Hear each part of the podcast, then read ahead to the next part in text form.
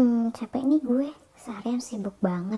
Tadi habis meeting, ketemu klien, motong mogok lagi.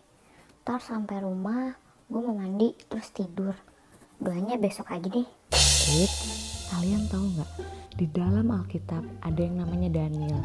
Daniel adalah seorang pejabat tinggi yang membawahi wakil-wakil raja. Bisa dibilang Daniel saat itu tangan kanannya raja. Kalau jabatannya udah begitu, pastinya Daniel sibuk banget kan? Tapi Daniel 6 ayat 10 mengatakan, tiga kali sehari ia berlutut, berdoa serta memuji Allahnya seperti yang biasa dilakukannya. Bagi Daniel, berdoa dan memuji Allah adalah hal yang biasa dilakukannya. Daniel bisa saja saat itu puasa doa dulu atau mengurangi frekuensi doanya.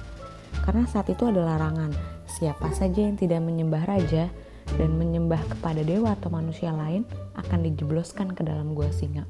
Meski ada larangan tersebut, Daniel tetap berdoa kepada Allah. Dan memang pada akhirnya Daniel dijebloskan dalam gua singa tetapi Allah menyertai dia. Guys, dari kisah Daniel ini, sesibuk dan secapek apa pun lo, jangan sampai lo puasa doa. Jangan sampai mengabaikan waktu doa.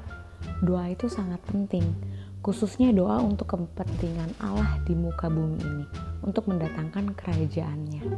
Sudahkah berdoa hari ini?